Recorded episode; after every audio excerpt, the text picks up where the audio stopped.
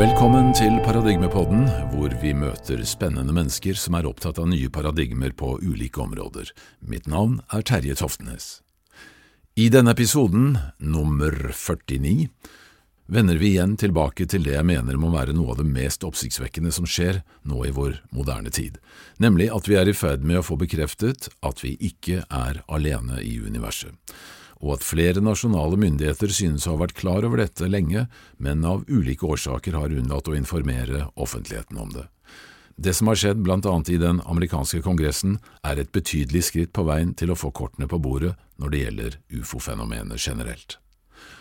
Og som vi har hørt i tidligere episoder, har fenomenet abductions, eller såkalte ufo-bortføringer, berørt mange mennesker. I 2008 kom det ut nok en bok skrevet av en som også hevdet å ha opplevd dette, Nadine Lalich. Boken Alien Experiences skrev hun sammen med den kjente ufo-forskeren Barbara Lamb. Vi traff Nadine et par år senere, og denne historien hennes er en av de aller sterkeste jeg har vært borti når det gjelder dette fenomenet. Så jeg gleder meg til å gi ordet til Nadine, og jeg håper også at dere som lytter til denne halvannentimes episoden, også får med dere de siste 20 minuttene, som kanskje inneholder noe av det aller viktigste når det gjelder spørsmålet om hvorfor disse tingene tilsynelatende har skjedd med så mange mennesker. Vær så god, Nadine. Uh, my name is Nadine Lalich, and I've spent about 25 years working in the legal field, um, pretty much working in city law. So, uh, also written a few other books, and, and also an artist. Uh, but primarily, my main life has been spent in law, working in a very conservative field. So, can you tell us how and when this uh, all started? In June, actually on the 15th of June in 1991, I traveled for a short camping trip with a longtime friend of mine to Sedona, Arizona. While in Sedona, Arizona, I had my first conscious experience of contact. Um, we were camping in a very remote area, very rustic, and uh, to my knowledge, uh, no other people were around for many miles. We'd gone a long distance to find this remote camping area uh, and down a long dirt road. It was alongside of a creek and um, nobody else was present in the area. It was dusk. We set up our camp. We had um, a lot of um, a lot of camping equipment and cooler and food and lanterns and uh, chairs we set out um, and a lot of our personal belongings. There was a very rustic uh, camping table there, uh, like a picnic table there. And um, so we kept all of our belongings outside. We weren't concerned because nobody was in, around. We sat out for a few hours that night. We had a fire. We ate. I went to bed a little earlier than her. We were driving in a. Uh, we were traveling in a um, Toyota bus, um, a van that had a uh, sliding side door and the back door that lifted straight up and out. It was probably, I went to bed first, and then I recall her coming in. I could hear her getting into her sleeping bag. And we were sleeping side by side, the length of the van in the back. And um, I'm not quite certain what time it was, but I believe it was after 12. And I uh, heard a sound and saw the light go on. And I realized that the uh, back door had opened up and swung wide. And the next thing that I saw, I was coming to, I was very sleepy. I got up and started to sit up, and the next thing I saw was a hand reaching towards me, a gray, kind of pasty gray white hand. And the thing that I noticed most, it was a very small hand, and it had only three fingers with a thumb. And it was reaching towards me, and I was very much in shock, horrified, frightened. I, I couldn't grasp what was happening. And the next thing I knew, um, I don't recall this hand actually touching me, but I do believe that I was pulled out of the van. Next thing I knew, I was standing at the very back end. The light was on in the van. I recall as I went out, my friend wasn't moving. Uh, she was lying with her eyes closed, and as I was taken out of the van, I stood at the end of the van, and I had difficulty looking up. I couldn't raise my head fully, but I had a sense that standing in front of me was a very tall, very powerful um, figure.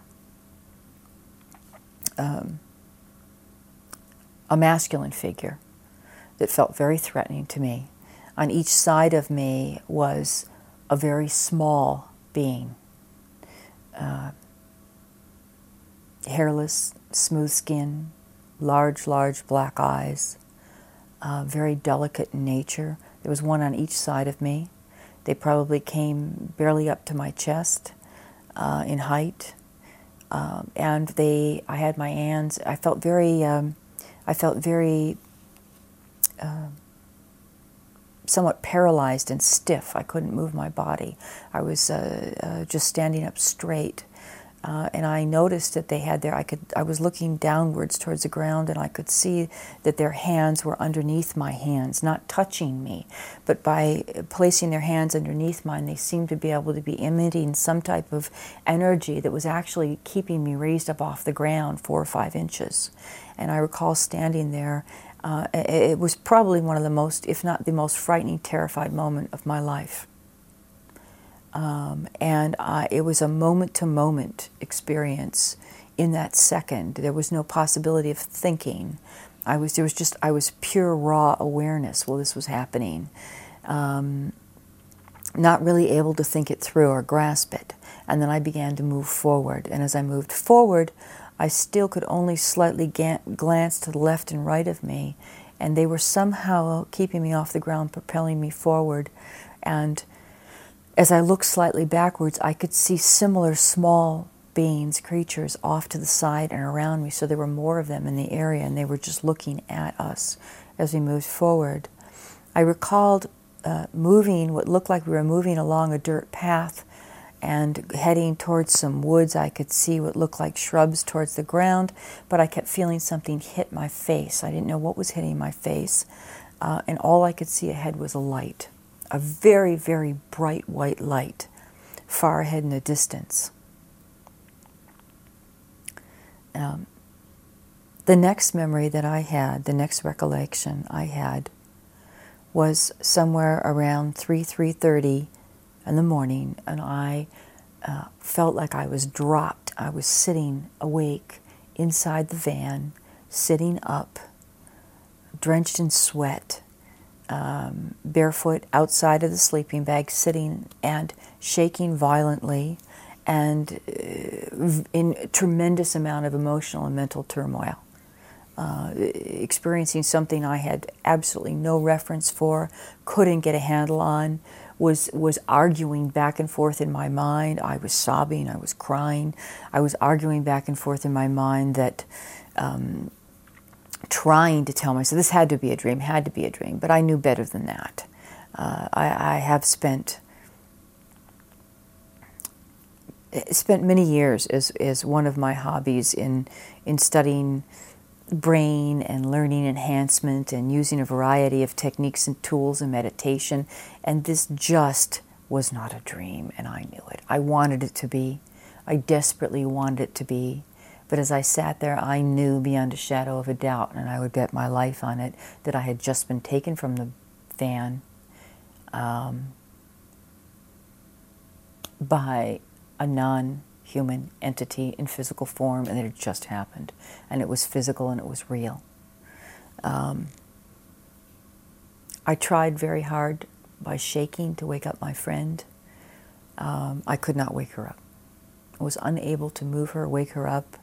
Um, I yelled at her. I actually physically shook her body and couldn't wake her up. I was terrified to be alone. I felt they were coming back again. I was absolutely scared to death. There was no no logic to any of it, and I just kept praying and waiting for the light to come. And I sat there looking out the window, shaking violently, crying periodically, uh, anticipating them coming back. The light came, dawn. It was uh, summertime, so it was fairly early, like five o'clock in the morning. And I opened the van and I jumped outside. And I paced back and forth, and I went back to the van again to get my friend, and finally she roused and she came out. We'd been friends many years. We'd also been involved in a lot of spiritual study and pursuits together. And I told her what I believed had happened. Uh, she was very sympathetic, not judgmental at all. She's very open minded, and uh, she had been exposed, as had I, to a variety of metaphysical studies over the years, too. And um, we're neither for nor against such ideas of extraterrestrial contact. She tried to calm me, and we noticed fairly quickly as we looked around that at the belongings out there that I soon realized all of my personal effects were gone.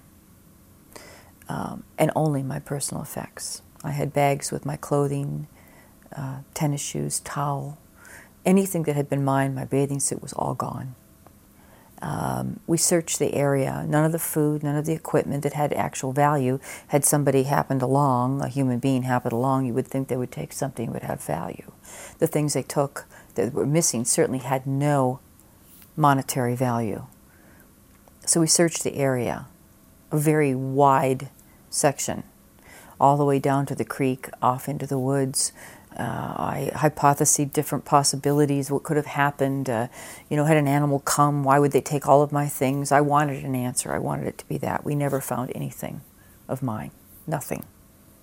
Um, subsequent to this, uh, within a year, I was living in um, Santa Fe, New Mexico. I had been very compelled to move there. I moved there by myself without any contacts there. It was a very radical action on my part. I was driven to do this. Within a matter of months, I planned it after this experience in Sedona. I wasn't sure why. And as soon as I arrived there, uh, I began to have very uh, active contact, ongoing contact. Um, and uh, once I was there within that first year, although I had told no one, I did go to see a, uh, uh, a therapist and a hypnotherapist, and I did not tell her what had happened to me, but I was regressed on this one occasion. And she took me back to that night, and I described, was able to describe more detail about the experience and the white light as we approached it uh, under hypnosis and described it.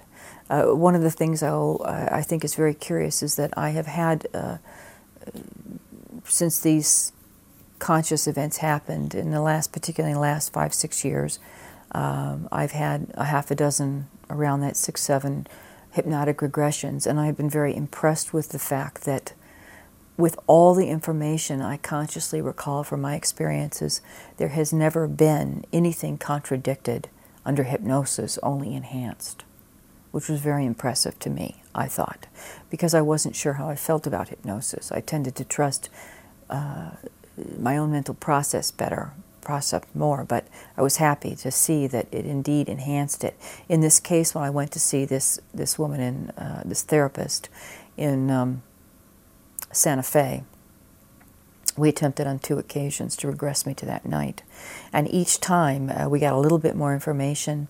I was able to do some drawings and some tapes. She did recordings. Those subsequently disappeared, all of those.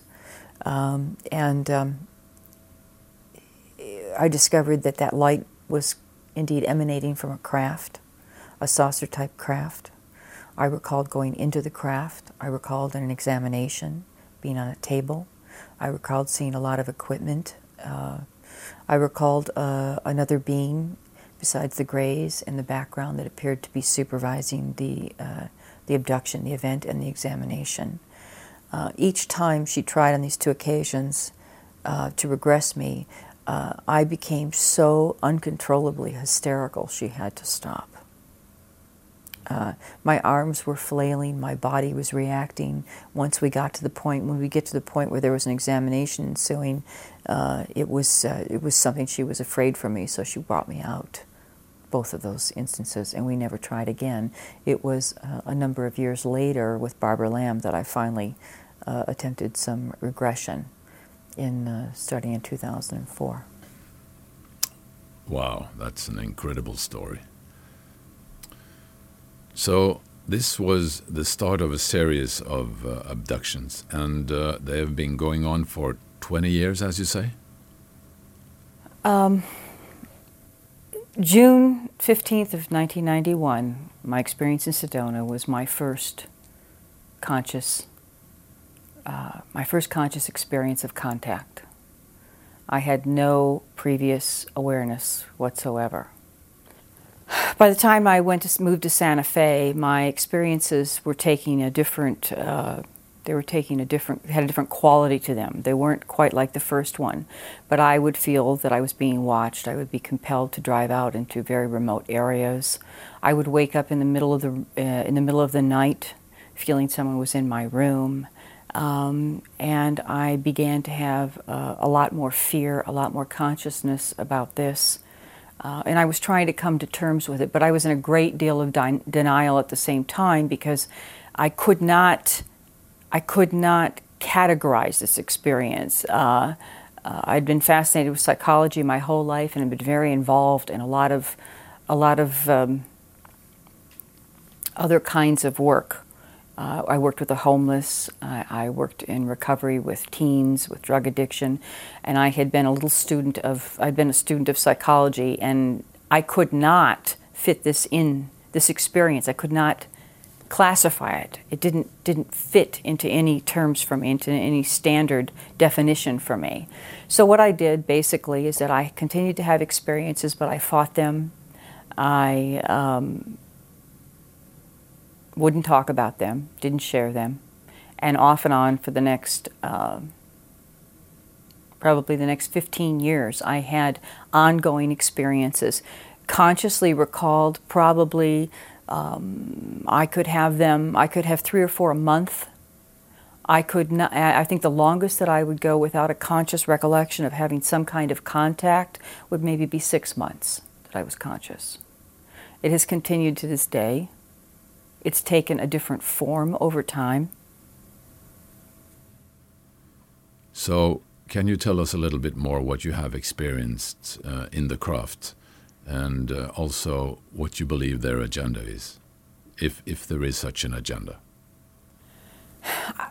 My, as time has gone on, uh, one of the things that's happened to me um, in spring of 2004 is when I came out of the closet, so to speak, and I'd had enough, and I made a conscious decision to seek um, seek answers. Uh, during that time is when I uh, initially uh, joined MUFON, met Barbara Lamb, uh, and began to share with a number of people what had happened to me.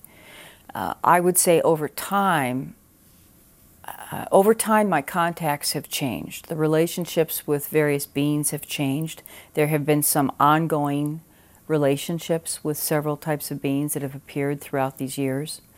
Um, I initially, with a lot of fear, it appeared to me that it was a, a repetitive physical examination, something related to um, um, procreation. Um, there was a lot of experiences that uh, suggested that um, there were my eggs were being taken. Uh, that I, I had in, encounters with uh, hybrid entities. It had been suggested to me that I, uh, one that I had met uh, was um, I was related to. That was my daughter, so to speak. Um, so initially, a lot of what I had seen um, related to that um, physiology, physical testing, repeatedly. There was a lot of emotional, they seemed to have a tremendous uh, fascination for uh, the emotional makeup of humans. There was a lot of instances I was subjected to where some were real, some were not. Uh, that uh, was seemed like a test, an emotional test, watching to see how I'd react. Um, there was uh, certainly a lot of, uh, as, as time went on, these contacts seemed to change. Uh, particularly, I noticed that after, um, after I reached menopause, there was a very big difference. The physical uh, examinations, uh, if, if indeed this was egg extraction, that stopped. And suddenly it became a different contact entirely. There was a lot of psychological testing that went on. I was uh, I was shown a lot of um, a lot of information. I was shown pictures on screens. I was uh, indoctrinated in certain ways that almost seemed like classroom, uh, very foggy, but kind of classroom uh, situations where uh, I was being um, I, almost given some type of instruction as to how I would behave in a certain circumstance in order to aid them and support them. I feel that as I look at it now, and it's been the last six years, has been a very conscious, consciously addressing it. Uh, I have 15 years that I recorded my experiences. I continue to record them in writing. Uh, sometimes they, when I have an experience, there is so much detail that I recall when I come back. Um, I'm a meditator. I use sound and light machines. I use various techniques. Uh, um, I've used um, sensory deprivation tanks. I've been sort of a student of the mind in another area because I'm very fascinated with the human mind, so I've used techniques to try to enhance my learning skills. As a result, it's given me some extra little edges, I think, in the many years of meditating to be able to pay more attention when these things happen, and when I come back, I record them. Uh, and now sometimes it's 45 minutes to an hour and a half of information that I come back with. Sometimes there's so much information that uh, I'm actually using voice recordings now as opposed to just even trying to write it out because I'm afraid of losing the information. Um, when you are taken, so to speak, is it purely physically or is it more, uh, more like an out of body experience? Can you say something about that? My experiences of contact have been um, almost what I might count as four different types of contact. One, indeed, um, is a physical variety, like what happened to me in the van, taken from the van. The what I look at myself is the conscious recall. I, lo- I look at how does my mind store this information? How does it reveal the information back to me? That to me is kind of a clue as to was this a physical experience also. Certainly, I've had physical experiences afterwards. Some of my physical contacts resulted in me waking up in different areas, uh, different parts of the house, on the floor. I've had uh, prolific nosebleeds and ear bleeding afterwards. I have had uh, many marks uh, and uh, small, uh, very thin cut marks all along my forearms. These are types of physical things that I have awakened with when I would. Uh, I have a recollection that tells me this was indeed a physical contact. Um, and the way that I say, I feel confident to say that it's a physical contact is because it seems to be stored in my mind in the exact same way as it would be if I was recalling later my sitting here, as though I left one room and walked right into another. It feels that clear, uh, that lucid to me. Another type of variety is one that um,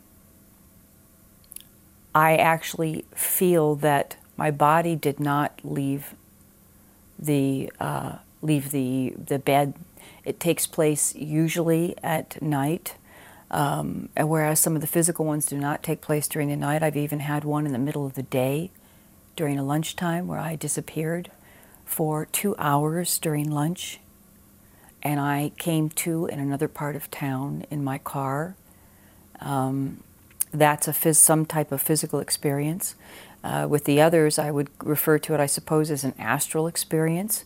I feel that I'm actually in another location, but I cannot sense my body about me. But fully consciously, I feel like I'm there. I can look around, I can see the craft, the area I'm in, I can look at the different beings. Um, I can record information. It's, it's, it's very clear to me, but still, I can't get a sense of my body in those. So, if indeed there was such a thing as an astral removal of, of the life force, that's the only way I could possibly describe it. Um, there is another type where um, it always happens when I'm sleeping. I feel as though I have been contacted, not necessarily removed physically or astrally from my location, but I have it's as though something from outside has tapped into my psyche um, and given me information. Uh, I I am certainly one of those. I have the repeat digits happen to me all the time, the eleven eleven, the one one one, and when that happens, I have a sensation almost as though information is either being downloaded or uploaded from me. Everything stops in that moment for a few seconds. Uh, boom, my eyes are at the clock, I see the time, and everything stops for a moment. Uh, that can happen at any time during the day. So I feel that there's some type of ongoing contact and a, and a variety of methods taking place. Wow. So, um, could you describe a little bit more in detail how these entities look and, and how they act? Um, my initial experience has been um, initially in the, the first few years of this. Um, now, mind you, I had no prior reference to this, very little exposure to any, well, certainly no exposure to the study of this. Uh, but later on, some of the reference I got from, from I gathered from MUFON, some of the other information I picked up. Initial contact would be what would be standardly called grays, three, three and a half feet tall, uh, gray type beings, automatons. They seem to operate together. They don't seem independent. They don't seem to be independent thinkers. Um, they seem just almost programmed, robotic, to do certain tasks.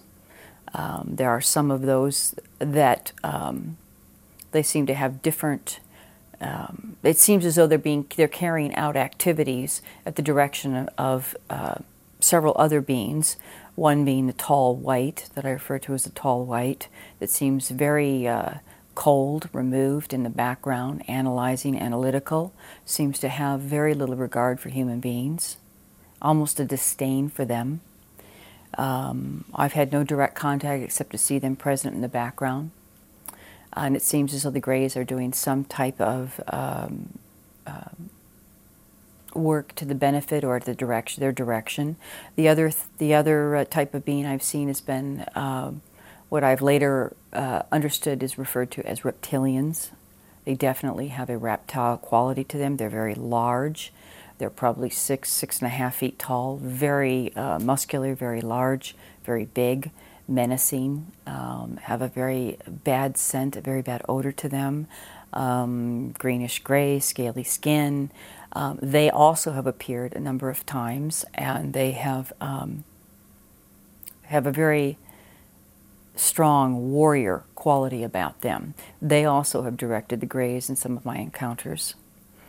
Uh, some of the behavior of the Greys have been interesting. There's, and, and it's strange that for some reason there seems to be an ability to determine or to, to be able to differentiate between the sexes. Even though they look identical, you seem to be able to tell a female from a male. Um, early on, uh, during the earlier years, the first 10, 12 years this was happening when I was uh, keeping this to myself, there was still a tremendous amount of fear, and there was always uh, what I would think would be a female assigned to me that would uh, uh, be assigned specifically to calm you. And it seemed that their part of their calming technique. Uh, so this is the only sensitivity I noticed in the Greys was these females that seemed to be assigned to keep you calm. There was some telepathic interaction to calm you but they also had a way of holding your inner arm, your wrist and your inner arm. My state of consciousness during contacts, when I have been uh, either physically abducted or I have my consciousness has been taken, if that's possible, when I'm very, still very lucid, it has improved over the years. Initially, with a, a great deal of fear, of course, you know, I've shut out as much as I could because my, I, I was not able to accept what was happening. As time has gone on, and certainly in the last six years, where I have been consciously and aggressively addressing this matter in my life and becoming very realistic about it, or at least willing to investigate it fully, I have become more and more alert and aware and able to stay conscious and present. If I was to measure my consciousness, say, right now, and say we, we measured it at a 10, my awareness and awakeness, I would say in the early years, my ability to stay conscious might have been a 2. As time has gone on, I've gotten better and better and better at it, which seems to be something they marvel at, actually. In my encounters, it has actually been a topic that has come up. Um, I would say that my ability to stay awake is now probably a seven, maybe an eight at best. It's not that you can maintain it fully throughout the experience, but I will fight it very, very strong. Fight to stay awake, fight to, to stay conscious.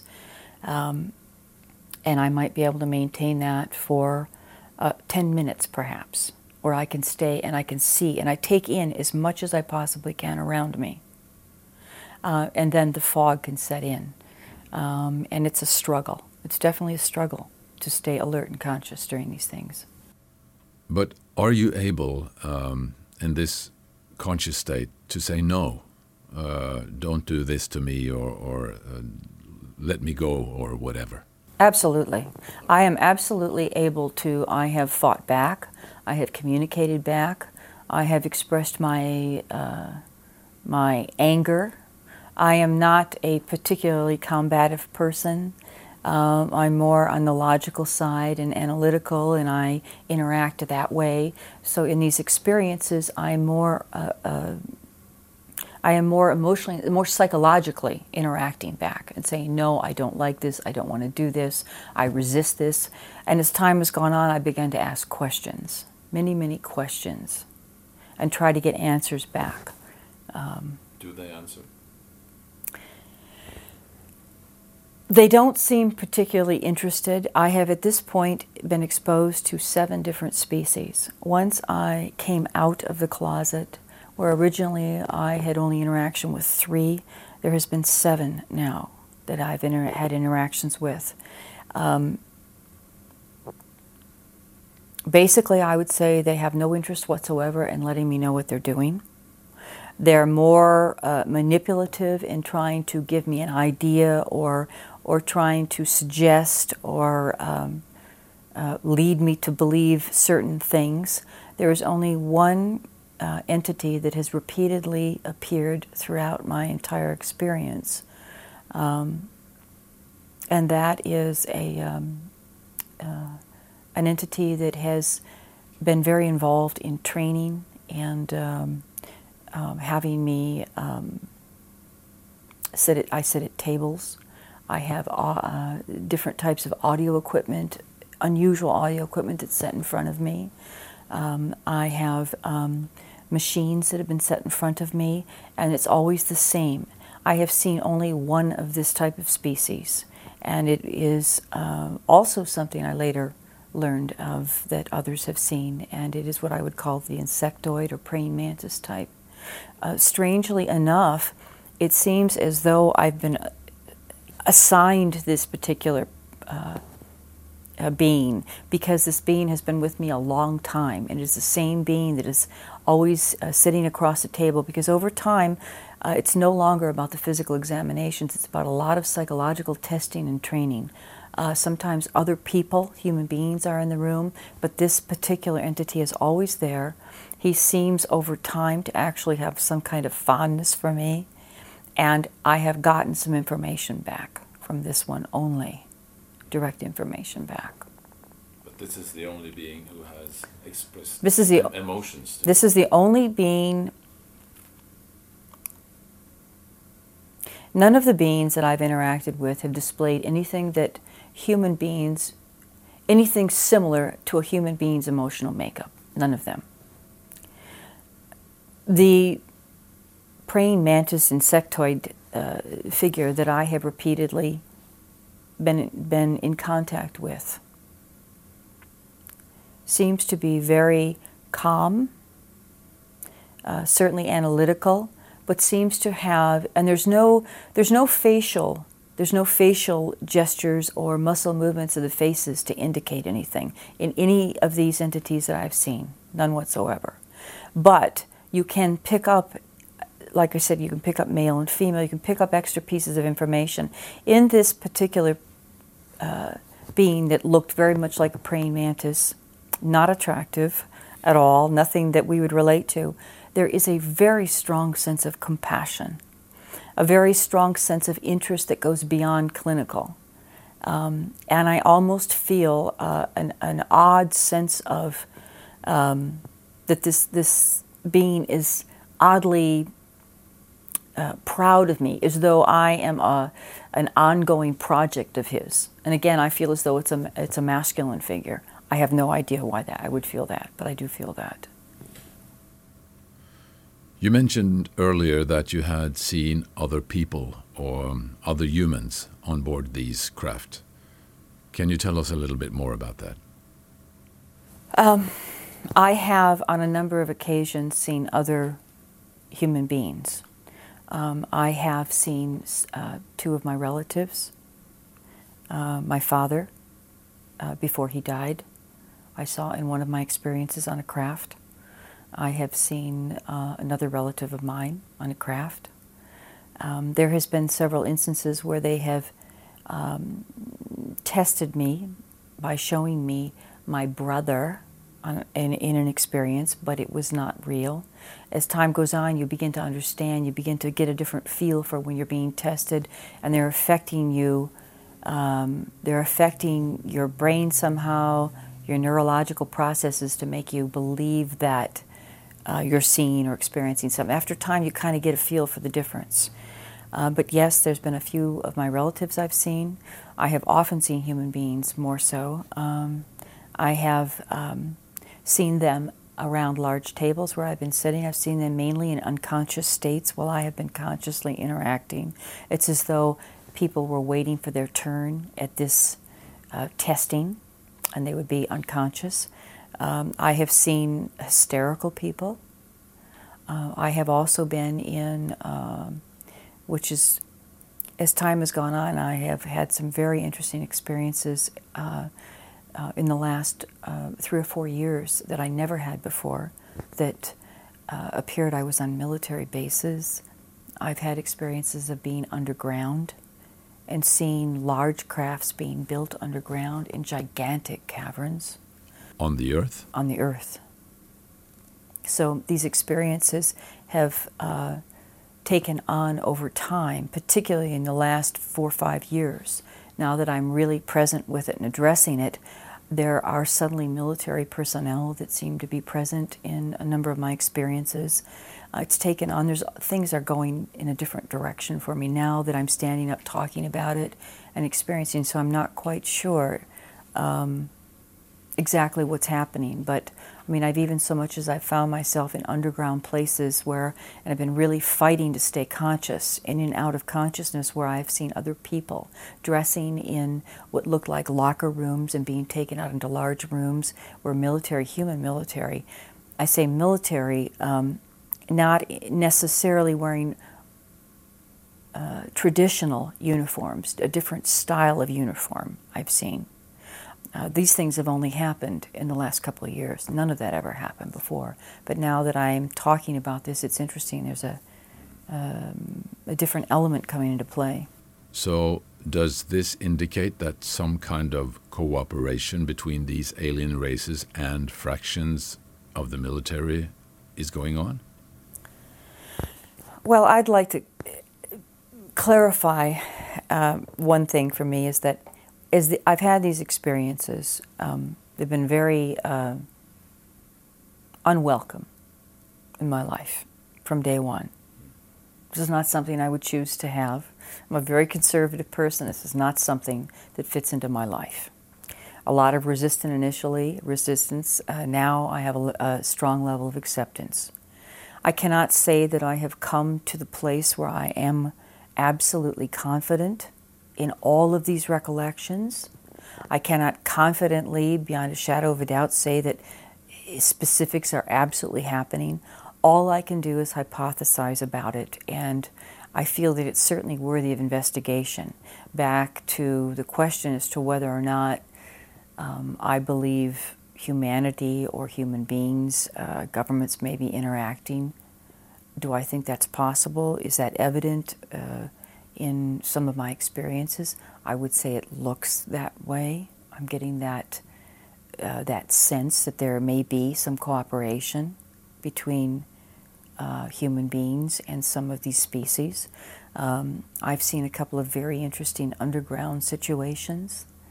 Um, one of them that totally appeared man made with what I would relate to as a man made elevator in a very, very deep chamber, an actual man made elevator you step on and go down into the earth with. That was not anything that looked alien. There was no alien beings involved in this. It was all human beings on the elevator going down with me. This particular experience happened only on one occasion, and it happened recently, about six months ago. And in this cavern that was absolutely gigantic, I saw a very unusual craft that appeared to be a flying craft that was just humongous proportions with um, that was being worked on at a distance by many, many people, perhaps 100 workers working on this particular craft.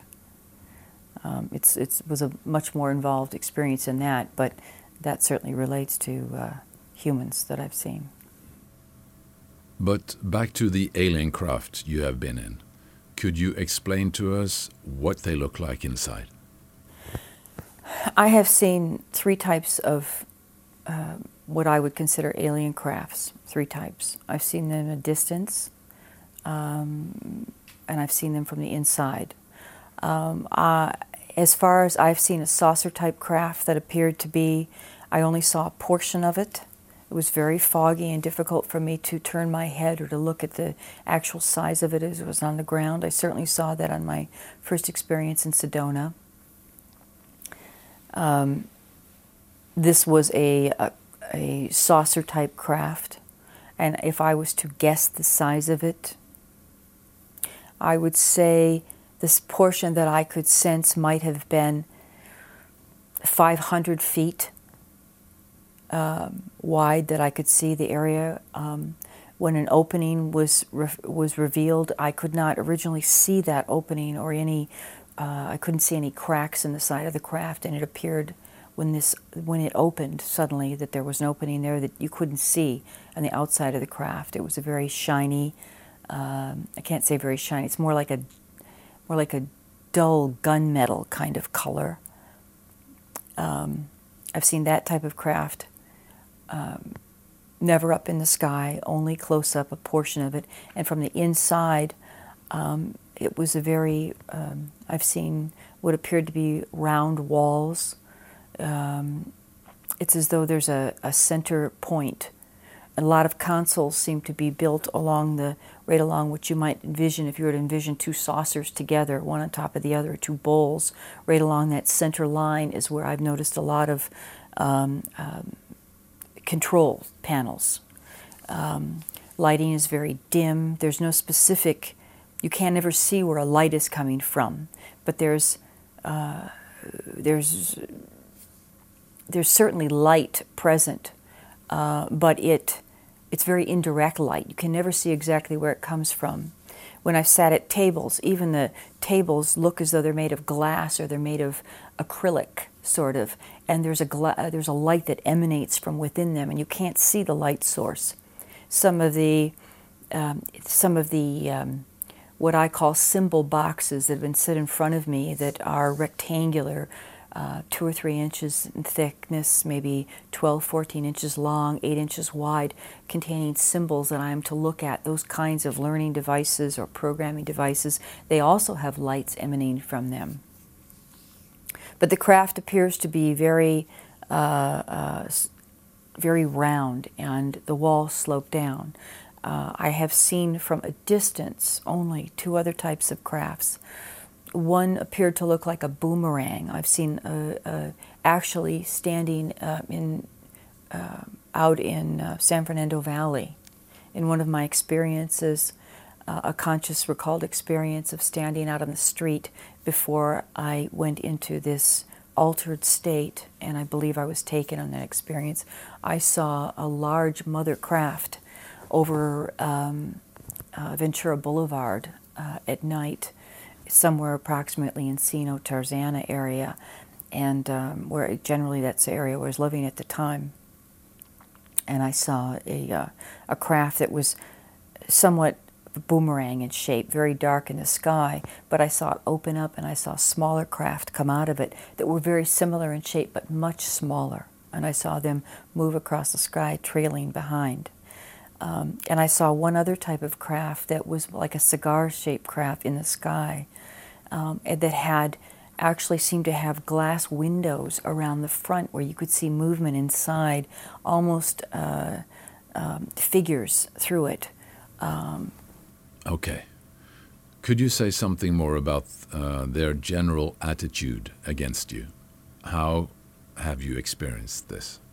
As to whether or not, I, I, the question as to whether or not I consider this friendly contact or um, helpful contact, I would say initially, um,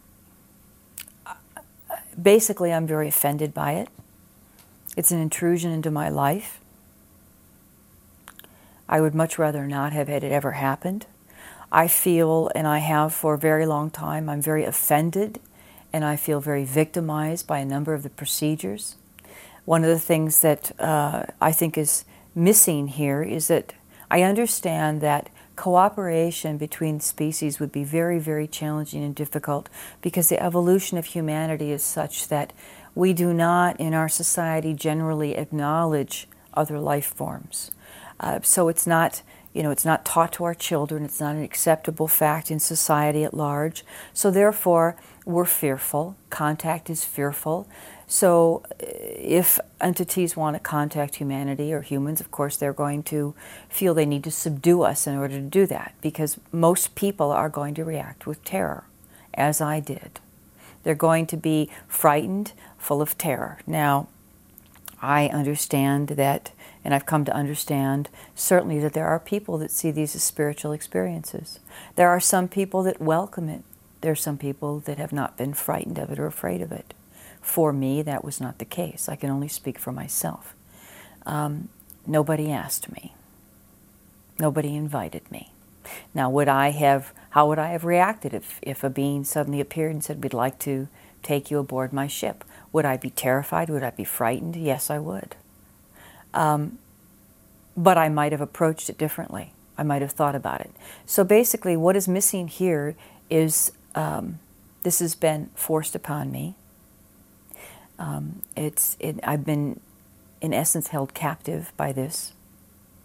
I have given no choice in the matter. Now, as time has gone on, the question as to whether or not I could see this as good in my life.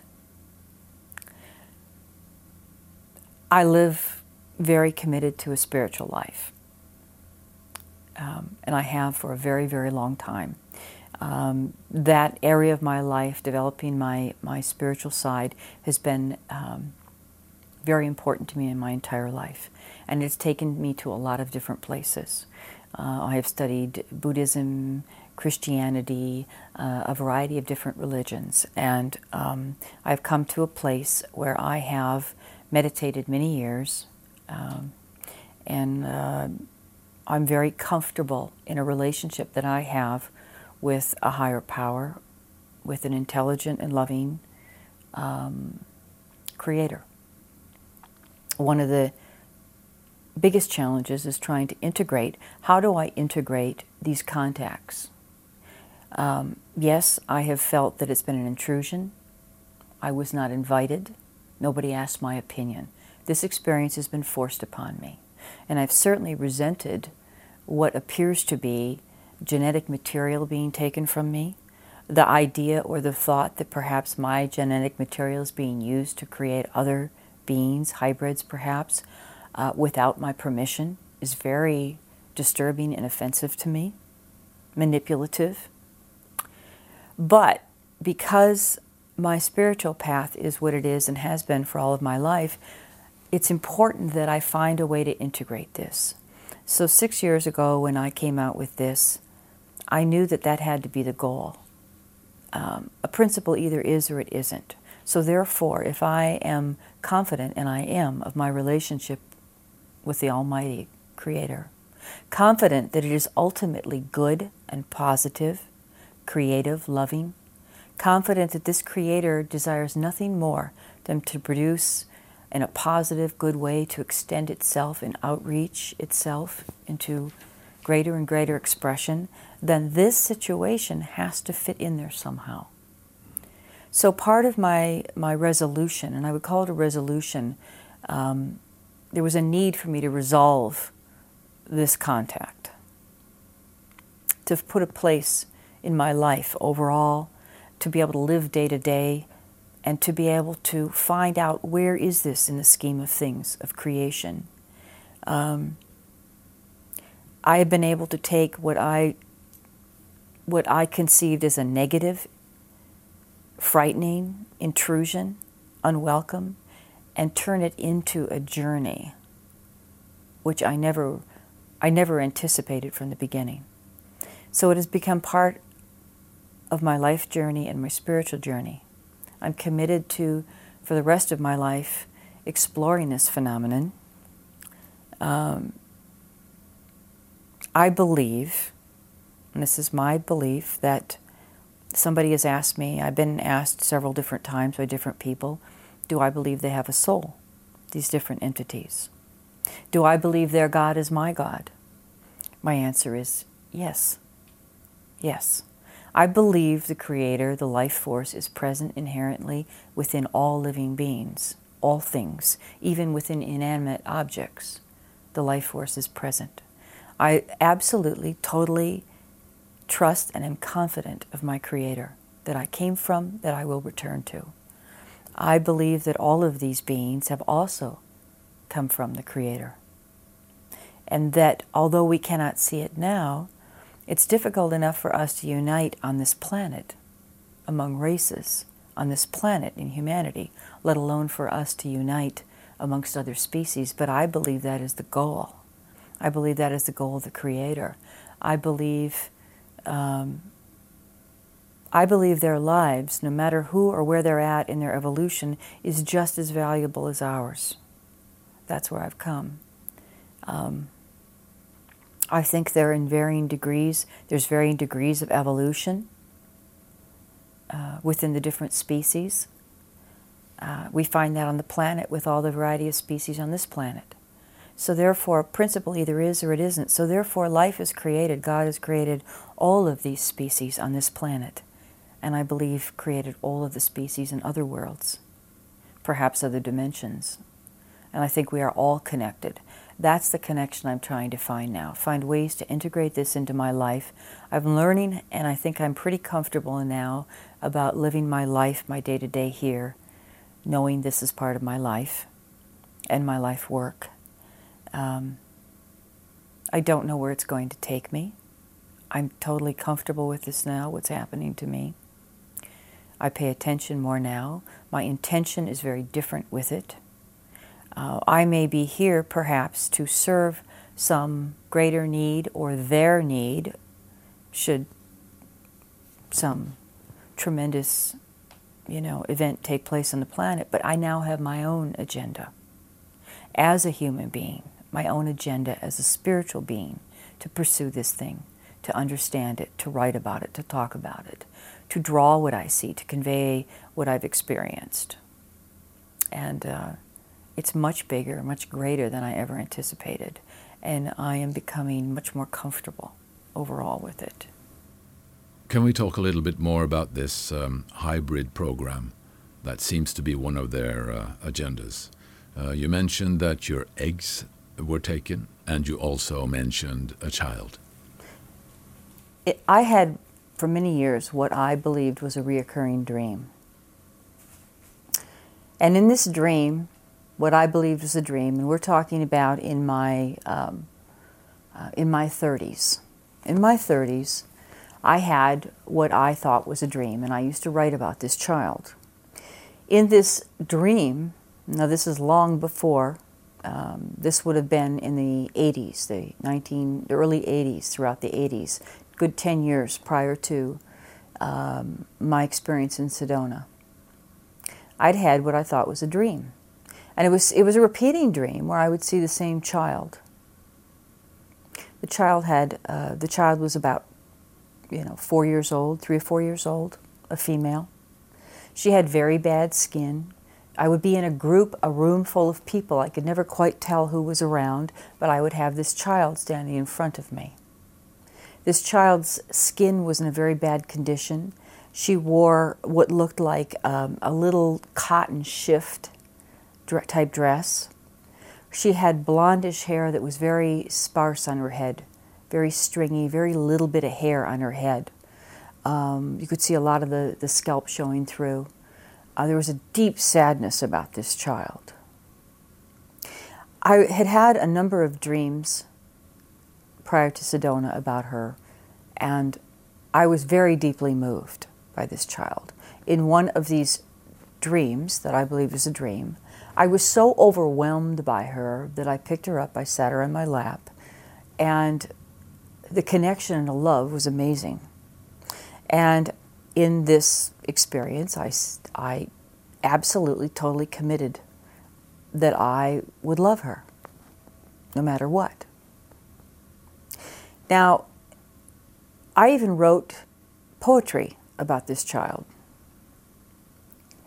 And I assumed that this child was some part of my psyche working itself out from other areas of my life. It may perhaps she represented a part of me, my inner child, as they refer to. I wasn't certain. Well,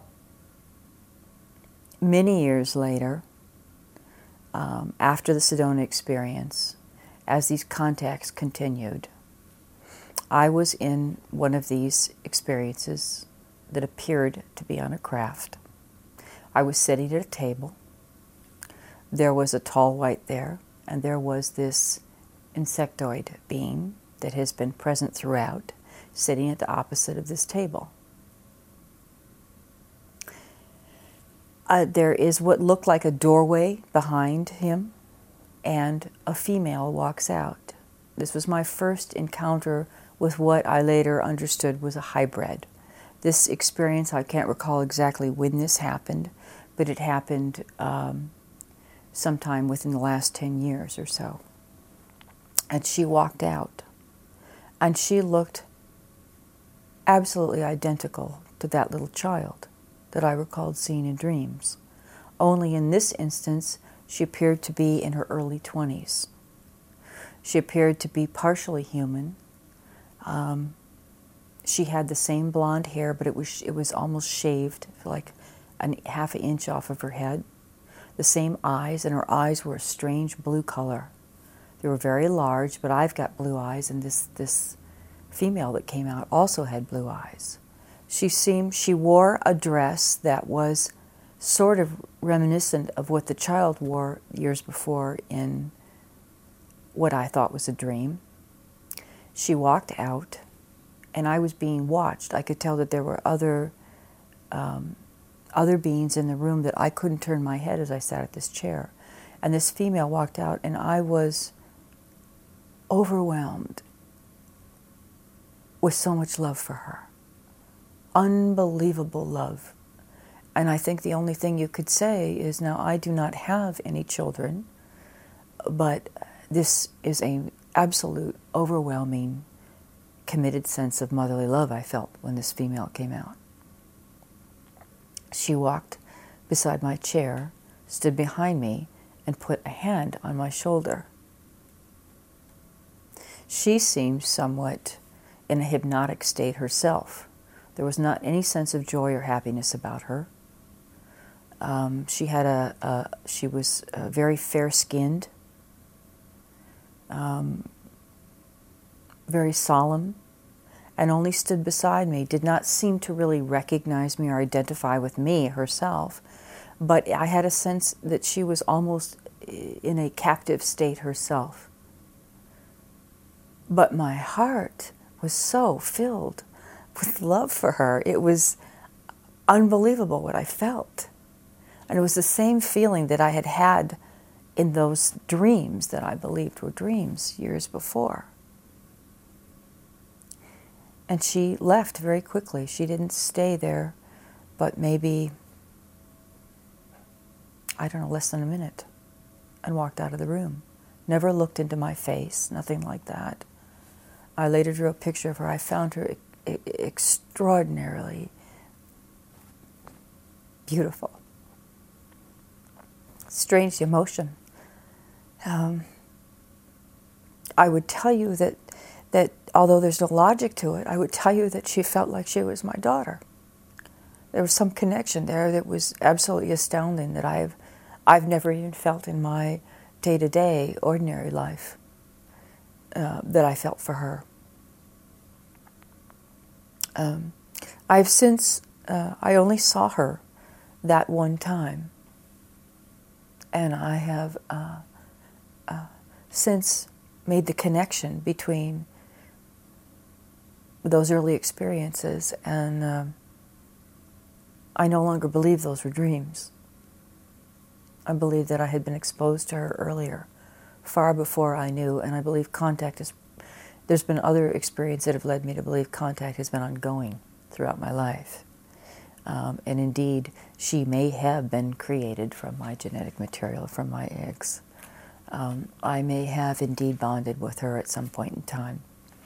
This, when I hear this come from myself, it sounds so illogical. Um, it's not a stand I want to take, but it's something that I deeply feel. I can't explain. Um, other than this experience, I have seen through what looked like a glass uh, window into a room where I have seen babies a number of babies, much younger than uh, I had recalled with her. Um, very small babies in, in various states of physical health, some of them looking very sickly. Um, uh, sitting on mats on the floor in this room. I was watched at the time uh, by by uh, um, beings that I could not see who was in the room as I was standing in front of this glass watching. Um, and I recall other human, several other human females in the room uh, with these babies. And it just was very sad to me. Um, they did not look healthy at all. Um, and I would suppose that these could be considered hybrids. They did not look fully human.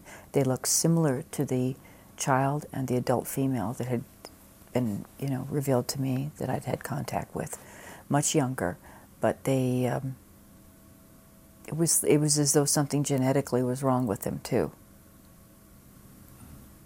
But um, can you tell us a little bit more what they look like? I mean, uh, what what is what is the main difference between them and us? Their eyes, their their um, very similar to humans. The, the hybrids that I saw are very similar to humans. They have very little hair, very little hair. Um, no eyebrows to speak of. I can't think of seeing any eyelashes. Um, their eyes are probably three times the size of humans. They tend to slant upward at the corner. Um, the iris is much larger. Uh, you can see some white around the edge of the eyes. I did not get a close look at the others through the window to see close up what their eyes were like. Um, with the female that they alluded was my daughter, so to speak. Um, very pointed chin. Uh, there is a, a, bit of a nose, but very small nose. Uh, very, very small lips uh, almost no lips, very small, um, high cheekbones, very pointed chin, narrow shoulders. Now, I did not see any males. I cannot recall when I looked in the room with the babies that I saw or could differentiate males from females in these hybrid children, if indeed that's what they were. Um, but in the female that that I connected with, she was taller than normal, probably about five foot seven, five foot eight, very slender, very delicate in her body. Um, and her eyes, like I said, were maybe three times the size of humans, very large, uh, and they they were blue. They were blue. And her skin was her skin was smooth. Uh, a Caucasian look to it, but almost pastier, almost whiter. Well, when I saw her uh, in her early 20s, when she walked out, that's what I'm. She was. She was five. She was five seven, five eight, slender shouldered. Um, she she was wearing a very similar type of garment that was extremely simple, uh, just an opening for the neck and uh, sleeveless, um, almost a type of tunic, you might say, that fit, uh, not form fitting at all, that hung over her body and almost down to the floor. Um, was a very neutral beige gray type of color. Um, no designs on it. Um, sort of um, like a almost like a, a, rough type of material would look like a canvas type material might look. Um, that's it. No other adornment whatsoever. Nothing. So, um, what could you read from the expressions in her face? Any type of uh, emotional reactions? She was very robotic. The impression that I had is that she was very, very unhappy. I don't think that she is regarded highly. The feeling is though we, like on this planet originally, when different races blended, we had a lot of prejudice against the blended races. I have a sense that she was not held in high regard. There was a sense that she was held captive, that she didn't have a lot of choice in her life. Deep, deep sadness. Um, it was not a good feeling not a good. There was no joy. There was no. Of course, there's no overt demonstration of any kind of extreme emotion anyway. But a lot of this is picked up on a telepathic level, I suppose. Uh, I'm not quite sure how you get the information, but the sadness was overwhelming with her. To my experience, after talking to people who do research on abductions like uh, Dr. David Jacobs, Bud Hopkins, and of course also Barbara Lamb, uh, the way you describe these hybrids seems quite common. Is that your opinion too? One of the things that I've been very careful about, it's a little unusual with me, is that to this day I have almost no exposure to what other people are experiencing here. Okay. Um, because my information was so prolific, there was so much information, I've been very careful about um, just very careful about uh, reading anything or studying anything. I have not read any books at all on this subject, on abduction, on UFOs. Um, I have seen a couple of tele- uh, television programs. Uh, I've certainly gone to MUFON meetings now, a number of MUFON meetings, a couple of conferences. Uh, but I have to this day very, very limited experience and almost no contact with other abductees or experiencers, extremely limited. And I've read no material of other researchers except small amounts that I might have picked up online on the, on the web. And I did not, really did not want to um, influence my recall because I'm still recording and cataloging a huge amount of information that I have from the past. And I do not want to read books yet. I'm not ready to read other books. I'm not ready to um, spend any amount of time in uh, reviewing anybody else's research or exposing myself to too much. I'm just really limiting that. So I do not know yet and did not know about the skin condition of, uh, reported by others or I have, I have almost no knowledge of that. You say that you have been exposed to much information. Is there some of this information that you could uh, share with us? Um, if I was to just sort of generalize the type of overall information that I've been exposed to or the experiences, uh, certainly it's been um, it's been the seven races. There's been uh, a lot of the physical, uh, genetic testing, uh, reproductive involvement. Um, I have been also uh, was telepathically suggested in some of my encounters that I had seven different implants in my body. Um, I was, uh, so there's been uh, all of these species that I've encountered are intent upon continued investigation, examination, uh, and recording information about humanity on a lot of levels. The, the, uh, the new element is the cooperation of human beings and perhaps military involvement with other uh, life forms, uh, extraterrestrials contacting the planet. Uh, that's a whole new realm that's come into play in the last few years. There's been almost classroom environments where there's been other human beings in situations where I've been, where we've been instructed. Uh, there's been instruction uh, around different types of equipment um, I have not had any anything particular. I have not particularly been involved specifically myself with anything to do with the craft or running a craft. My involvement or the suggestion for my future involvement in my so called training would be in dealing with other human beings, in helping make them manageable, helping make them uh, ease them into the transi- transition of accepting contact. Um, so I've had ongoing information psychologically, emotionally, um, prepar- uh, preparation, been prepared for future contact. Um, I feel that there's been programming and ongoing programming with me and others for, uh, for future use, future service to them. How much of this is about us and our benefit, I really don't know. Um, what would you say to people who have never been exposed to these things at all? Or uh, what, what would you say to the skeptics? Uh, I believe human nature is, is uh, generated by one of, is, is propelled rather by, by one of two things. From a standpoint of love and trust or a standpoint of fear and hate. We're either trying to obtain something uh, or we're running from something. Anytime that we're exposed, and certainly been my life, anytime I'm exposed to a completely new and radical theory or idea, I tend to revolt.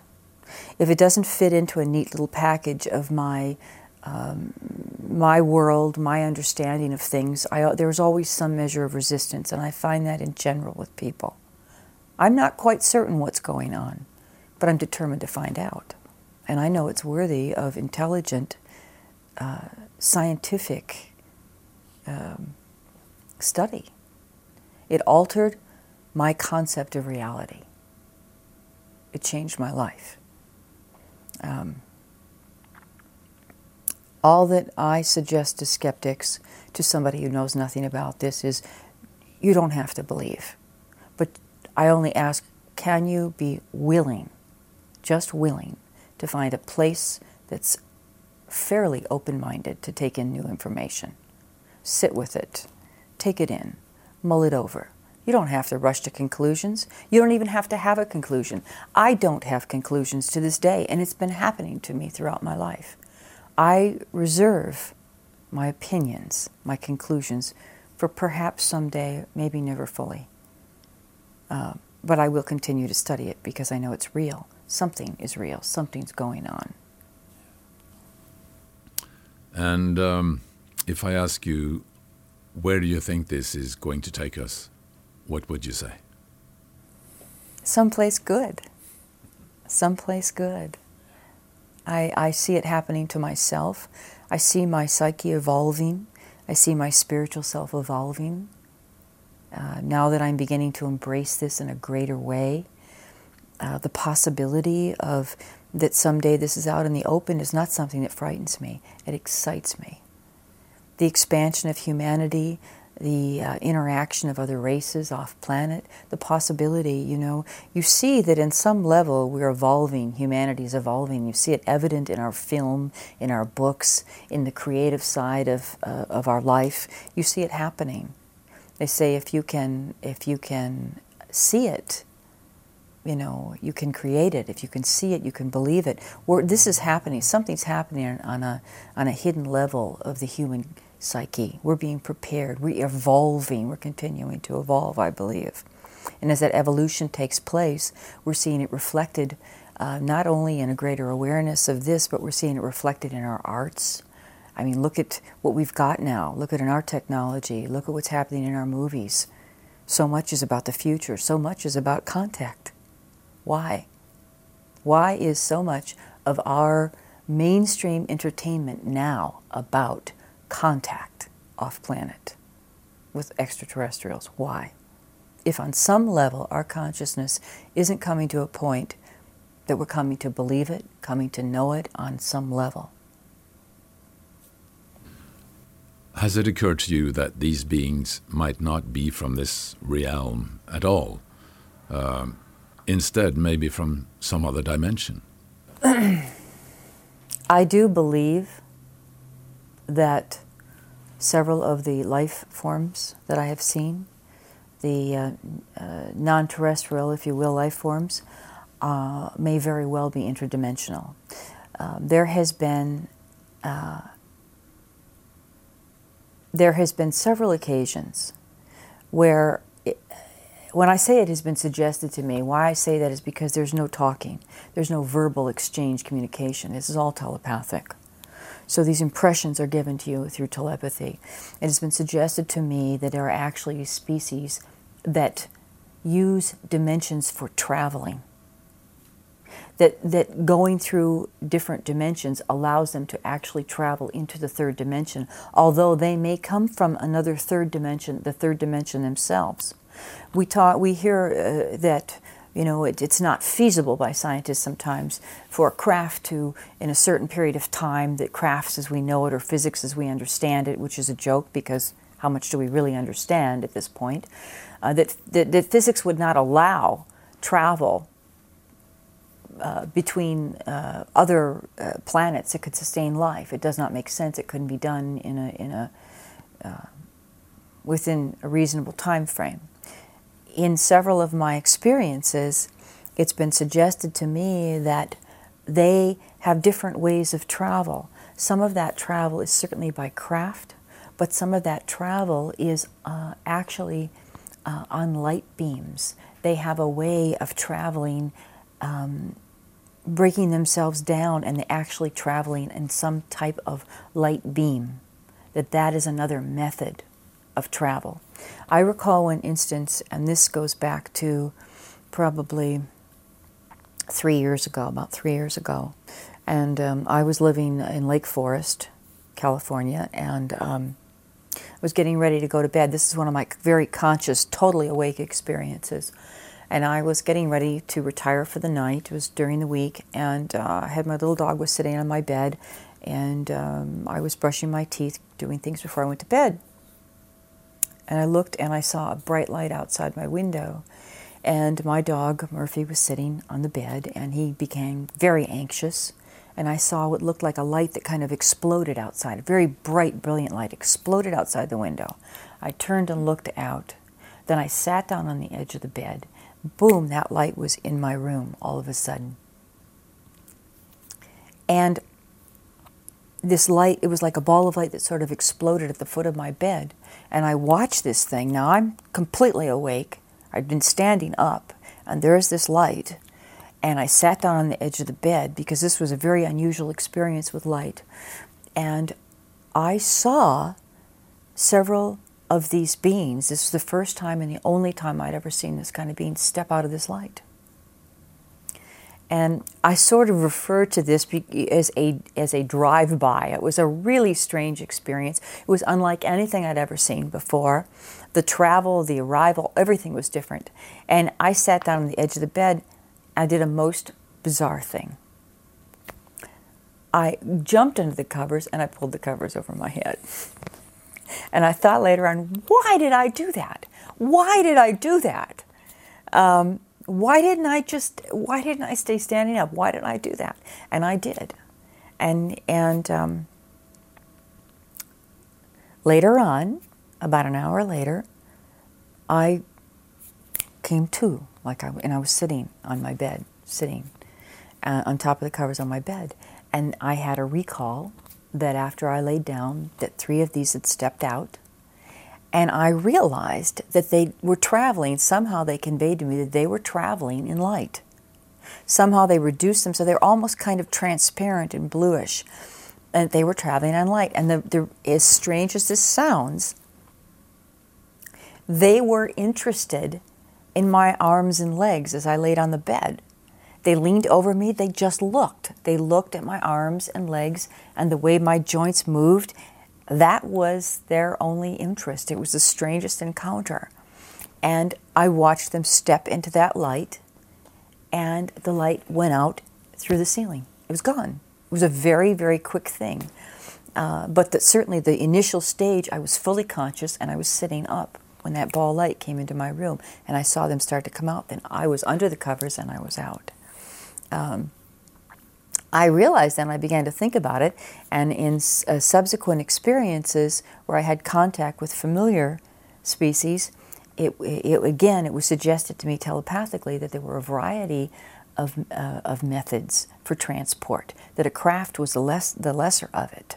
That different species had different ways. Um, I was also suggested that somehow that they could enter another dimension from the third dimension, enter into another dimension, and it allowed them to transport themselves elsewhere in the 3D world.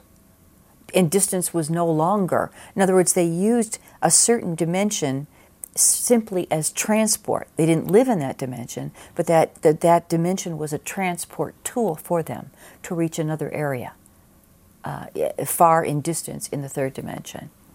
So there has been several methods of transport that have been pointed out to me.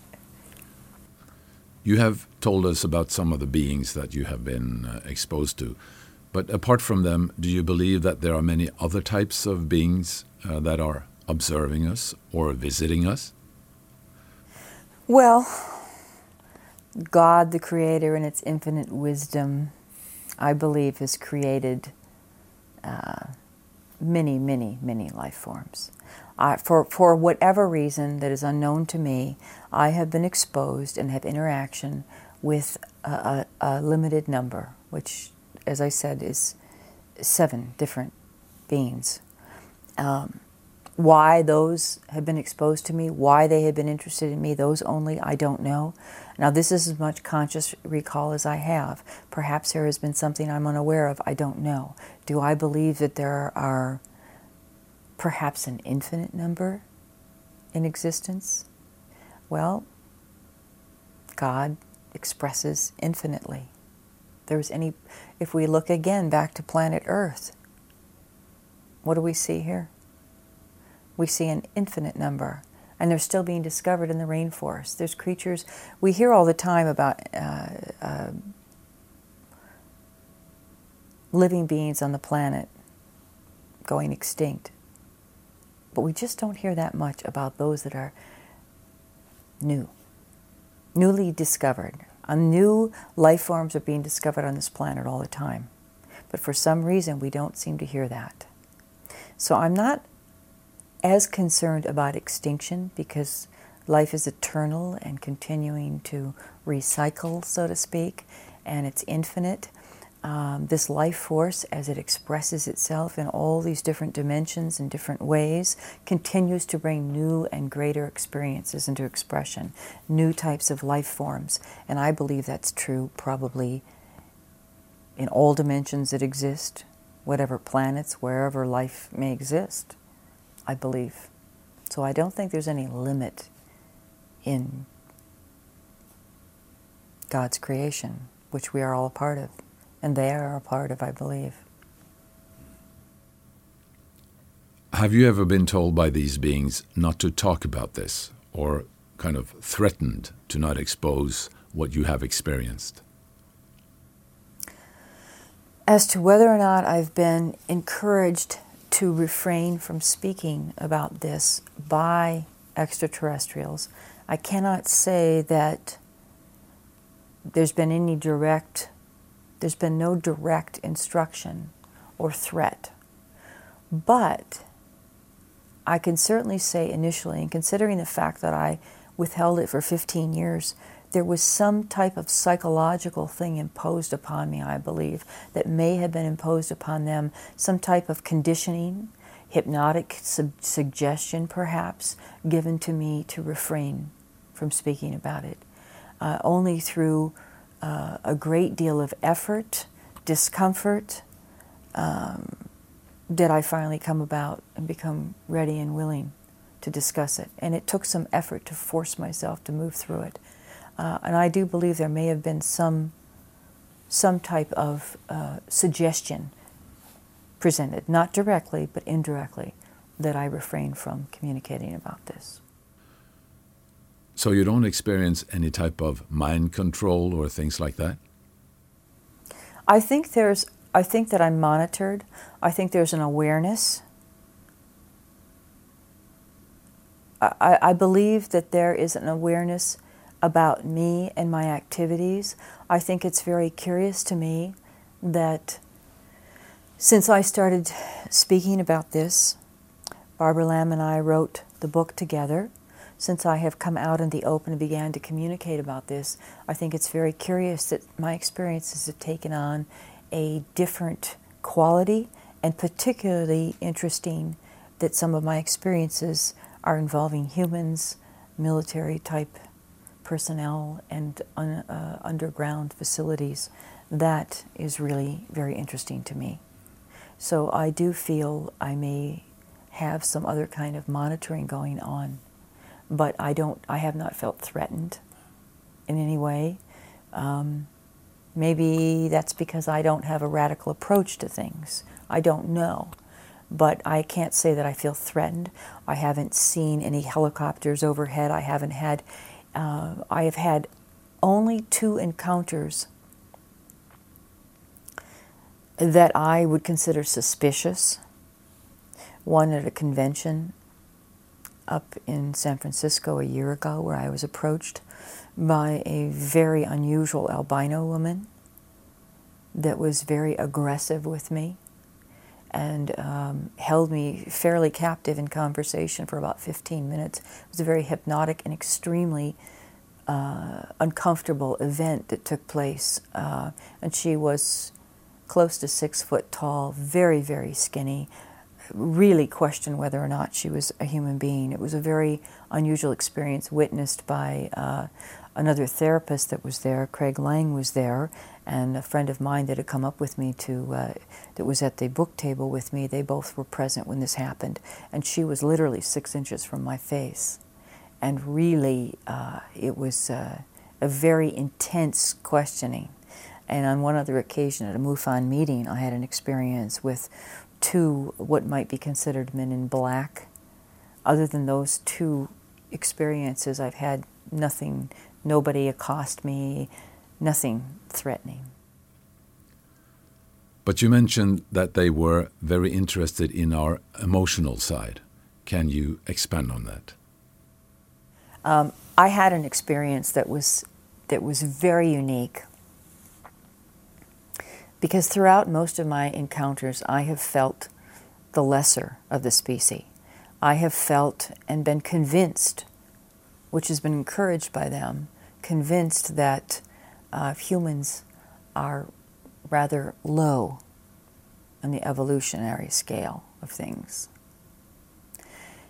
But something clicked in one of my experiences, and I became really aware of their actual obsession. Uh, I would say the tall whites, and there's been uh, another type of gray and another type of white that I've experienced. There's been an obsession with the emotional uh, aspect to humanity. And I believe it's an obsession, an absolute obsession. They are trying to comprehend, get a handle on. And I believe that this, if indeed this is a hybrid plan, a breeding plan, I believe on some level they're trying to get access to this, to understand what it is, perhaps to incorporate it. In one of my encounters, I had a huge aha it appeared that I was sitting at a table. There were uh, several of the tall whites. There was the one that I'm very familiar with, the insectoid being across from me. And there was a, it was a long rectangle type table, and there appeared to be another half a dozen semi-conscious, upright and sitting, but semi-conscious humans sitting there.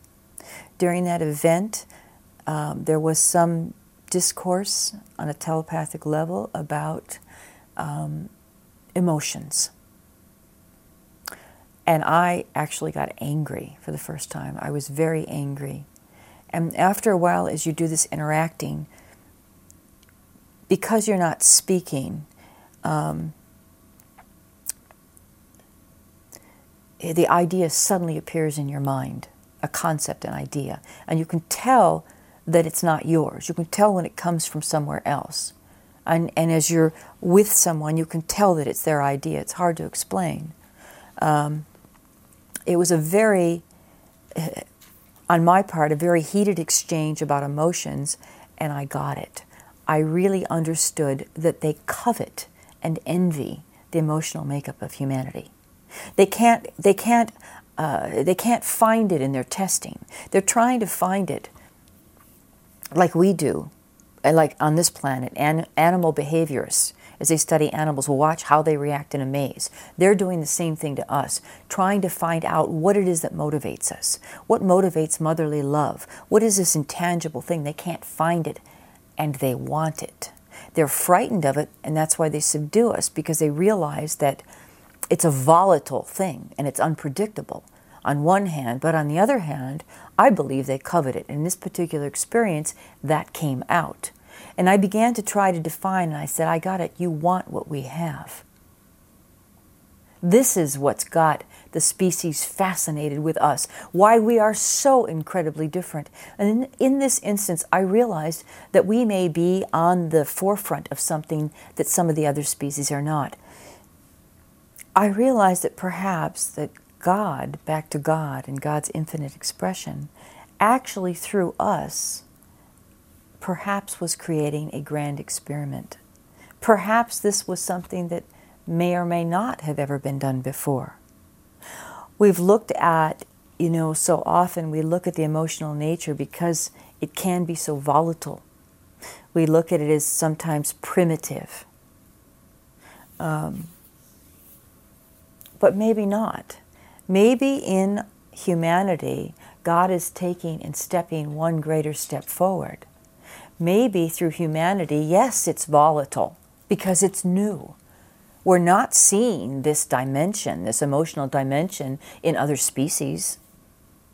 Apparently, certainly by my experience, and from what I've seen in this strange uh, phenomenon in my life, I don't see a realm of emotion. I don't see this development within them. I see intention, I see uh, intellect, I see a lot of other things, but I don't see much emotional expression. Very, very little. Um, so perhaps God's infinite wisdom is to place humanity at the forefront. Maybe we may be um, slow to develop in some of the other areas, but what if the emotional development is really the key? What if the emotional aspect, and I believe it is, the development and the balance of our emotions, what the emotion, the emotions color things. The emotions allow us to see and transcend things. The emotions motivate us. The emotions can be very dark, but in a wholesome situation, under wholesome conditions and balance and proper development, proper uh, uh, proper encouragement and, and the right environment, emotions can absolutely turn life into heaven. Emotions can bond a mother to her child. Emotions can cause a person to dive into, uh, to do heroic events that would never take place. Emotions really could very well be the reason why we put the first person on the moon. Emotions. They motivate, they drive us, they, they, uh, they bond us, they create dreams, they expand us. The emotions uh, if you take away the negative aspect, which really is in the minor is is on the minor side of things, the emotions are God given. It's, it's glorious. It's amazing. It, it, it can turn uh, the most ordinary event or interaction between two people or a, a child and a pet, anything can turn it into this mind boggling, glorious moment of heaven. So, what if emotions are actually, an ex- actually part of the highest evolution possible? And perhaps we as humans are at the forefront of this and we're clumsy with it. We don't know what to do with it in our evolution. But instead of being behind these other species who have none or almost no development, maybe we're at the head of the game. Maybe our focus and our development through God's inspiration is actually to, to create a finer species. Because this is a species that has the capability of integrity, devotion, all these intangible things that, that bring, bring dimensions that are untold to the living experience and back to God. Allows us to see things. I mean, we see the way light reflects off of water in a certain way because of our emotions. We interpret things differently, where these other species seem absolutely incapable. They're rigid, they're limited, they're clinical, uh, so I believe in this moment, in this aha I had of this experience, I got it. And they were hiding that, almost like didn't want us to know their real goal. You know, that, that's the question. What is their goal? Is their goal to come take over the planet? I think they're mesmerized by us. I think they want what we have.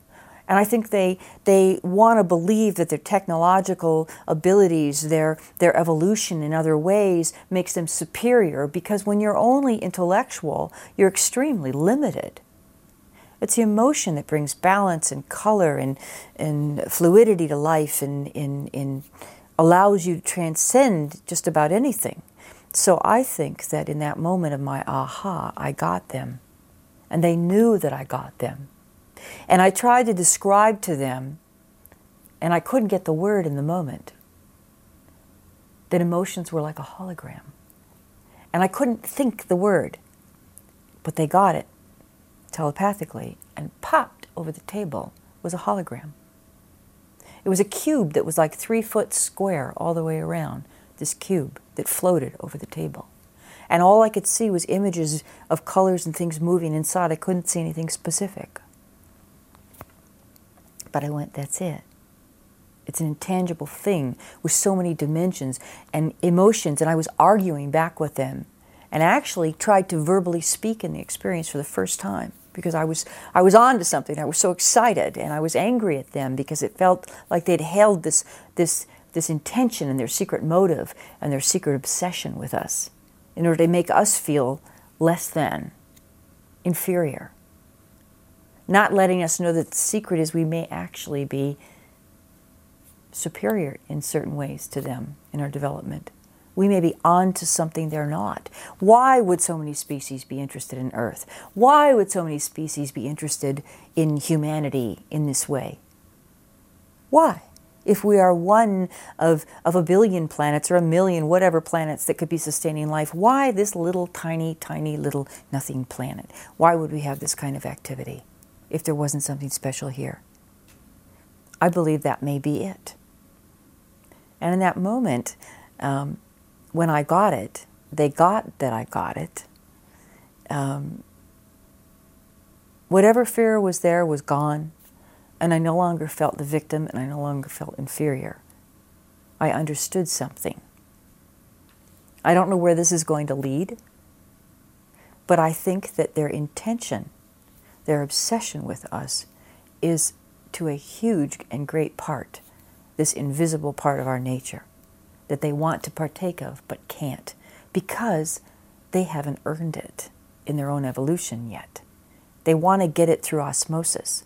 They want to get it through dissecting us and investigating us physically a million ways.